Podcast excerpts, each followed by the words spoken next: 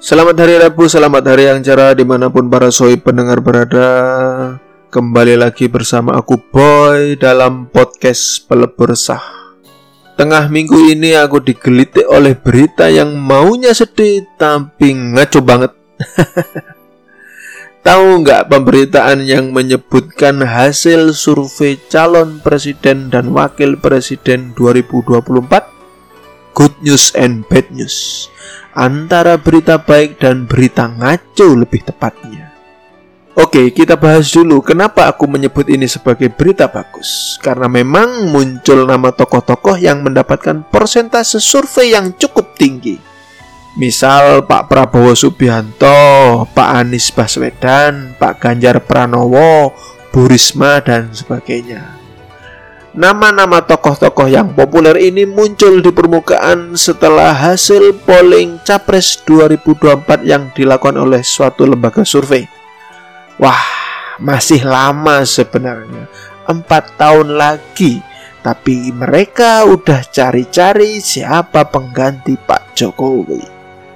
By the way, mereka yang mempoling dan yang memberitakan ini sebenarnya motivasinya apa ya? Ya memang oke okay aja dengan polling mempoling, survei mensurvei. Fine fine aja sebenarnya. Karena itu adalah ilmu pengetahuan. Dan memang bangsa kita itu banyak orang-orang hebatnya.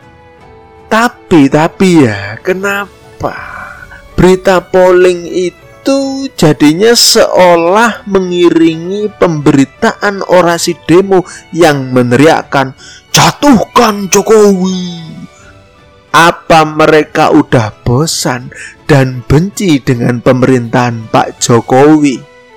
Kebetulan atau settingan? Alur narasi medianya kok begini amat ya? Oke, sebelum para sohib pendengar menjustifikasi aku menuduh aku yang enggak-enggak dan iya-iya, aku tegaskan ya, aku bukanlah pendukung Jokowi dan aku juga bukan pendukung Prabowo. Aku hanyalah seniman amatiran yang memperhatikan kebijakan publik dan fenomena sosial. Emang penting tahu politik? Ada yang bilang kalau politik itu kotor. Gak juga. Politik itu ilmu pengetahuan yang semua orang bisa belajar dan seperti pada umumnya ilmu pengetahuan bisa dipelajari banyak orang tapi gak semua orang bisa jadi ahli, jadi pakar atau jadi spesialis. Kali ini aku mau ngomongin politik praktis dan politik negara aja. Istilah politik ini kan akarnya dari Yunani Pernah tahu istilah polis dalam bahasa Yunani yang berarti negara kota? Kalau yang pernah nonton film Hercules, Archiles, atau 300 itu loh yang judulnya 300. Di sana disebutkan polis Athena, Sparta, Tebes, dan masih banyak lagi. Lalu apa politik itu? Aku sih sederhana saja. Politik itu ilmu strategi kekuasaan untuk meraih suatu tujuan. Makanya politik itu gak bisa berdiri sendiri. Dia harus bersanding dengan ilmu lainnya. Ah, penjelasan apa ini? Datanya mana? Literaturnya mana? Pengen tahu? Lebih baik Anda kuliah dan ambil jurusan ilmu politik atau Anda segera pergi ke perpustakaan dan Anda banyak baca buku. Kalau aku menjelaskan terlalu detail apa gunanya universitas dan fakultas yang ada di Indonesia. Penjelasan yang jelimet dan mendetail hanya bisa Anda dapatkan jika Anda belajar di Fakultas Ilmu Politik. Oke, kembali ke topik tentang pentingnya untuk sadar politik untuk melek politik. Memang sih ada teman yang bilang, "Alah, siapa pun pemimpinnya, presidennya, nasib rakyat begini-begini aja. Emang bener gitu? Gak salah tuh. Bukankah keputusan dan kebijakan negara serta pemerintah sangat mempengaruhi hidup Anda? Kok bisa? Apa hubungannya? Ketika Anda pulang ke rumah, terus Anda makan masakan rumah terasa gak enak, itu besar kemungkinan karena pengaruh kebijakan pemerintah. Ah, terlalu jauh itu mengada-ada, gak masuk akal. Nah, ini pendapat seperti ini tuh pintar-pintar beko. Sorry ya, jangan tersinggung. Santuy. Bagaimana jika ternyata istri Anda tidak bisa beli cabai atau bawang merah, bawang putih karena negara ada masalah impor bawang atau cabai? Sehingga masakan istri Anda kurang bumbu. Apakah Anda marah pada istri Anda?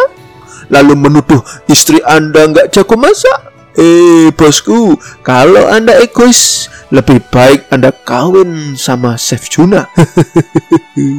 Jadinya jeruk makan jeruk. Atau Anda nikah sama Chef Renata. Itu pun kalau Anda mampu bayar bedaknya. Lalu bagaimana nasib para jomblowati dan jomblowan serta jamaat pengangguran? Ya, ini apalagi jelas ada pengaruhnya lah kebijakan pemerintah dengan Anda semua. Misal nih, kaum milenial saat ini kan paling demen sama gadget, nggak bisa lepas dengan kuota internet, nggak bisa lepas dari smartphone. Nah, apa yang kalian nikmati sekarang itu adalah karena kebijakan negara, karena jaringan komunikasi, tower-tower komunikasi itu harus ada izin pemerintah dan negara. Akhirnya kalian para milenial bisa Facebookan, Twitteran, Instagraman, WA lain dan medsos yang lainnya. Bahkan melalui internet kalian bisa cari pekerjaan dan gak nganggur lagi. Selamat bekerja dan semoga tidak jadi pengangguran yang abadi. Semoga kita semua dilimpahkan rezeki ya. Coba kalau Anda semua ini pindah ke Korea Utara. Internet dan smartphone di sana itu benda mewah, bro. Kalaupun ada jaringan internet dibatasi di bawah rezim otoriter yang mengekang.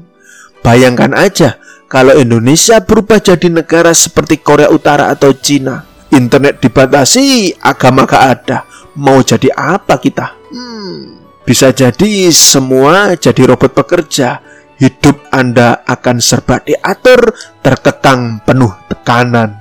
Ngeri bos. Atau kalian ingin seperti Korea Selatan karena kalian terpesona oleh indahnya drama Korea? Realita menyembunyikan fakta.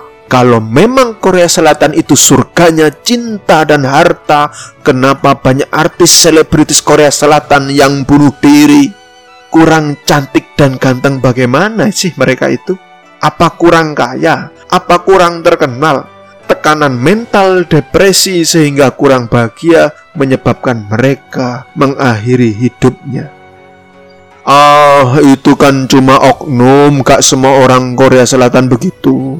I know that, but just looking in other side, yang melakukan suicide bunuh diri itu udah bukan satu orang bos Korea Selatan selama ini sudah menduduki peringkat dua dan peringkat tiga dunia peringkat bunuh diri. Ini bukan prestasi. Are they okay now sehatkah mental mereka? Ya itu kan persoalan pribadi bukan negara. Kalau sudah melibatkan banyak orang, itu berarti skala besar. Ini urusan rakyat, urusan negara. Negara itu rumah bagi rakyat. Loh kok rumah?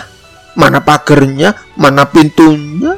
Suatu wilayah tanpa rakyat hanyalah ruang tanpa nama, tanpa aturan. Ketika sekumpulan manusia menghuni suatu wilayah yang sama, mereka bertetangga, mereka membuat aturan. Singkatnya, dalam skala besar disebutlah negara. Bukankah suatu aturan dibuat oleh manusia untuk kebaikan manusia itu sendiri? Bahkan Anda sebagai pribadi pun punya aturan yang kemudian Anda pamerkan dengan nama prinsip hidup. Negara juga begitu. Tatkala rumah sudah tak mampu lagi menaungi penghuninya, maka dia bukanlah tempat bernaung, bukan lagi tempatmu pulang melepas penat Jangan-jangan kau hanya singgah di suatu tempat antah berantah dan tersesat. Negara yang baik adalah negara yang mampu melindungi rakyatnya. Rakyat yang baik adalah yang peduli pada negaranya. Karena pemimpin negara pada hakikatnya lahir dari rakyat juga. Seharusnya para pemimpin itu memahami hati rakyatnya maka mereka yang gemar menebar racun perpecahan di antara kaum mereka sendiri, sesungguhnya mereka adalah pengkhianat bangsa. Hormatilah pemimpinmu, kawal dengan kritik, beri saran dengan santun. Tak perlu kau jadi Korea Selatan, tak perlu kau jadi Amerika Serikat, tak perlu kau jadi Arab Saudi, Kau bukan aktor atau pemain teater. Mereka tak mampu jadi kamu, kamu tak bisa jadi mereka. Kalaupun jadi, takkan serupa, karena itu hanyalah berpura-pura. Cukup jadi dirimu, maka carilah dirimu. Asal sejarahmu, kuatkan bangsamu, bangun negerimu. Selamat beraktivitas atau beristirahat. Sampai jumpa lagi. Bye bye.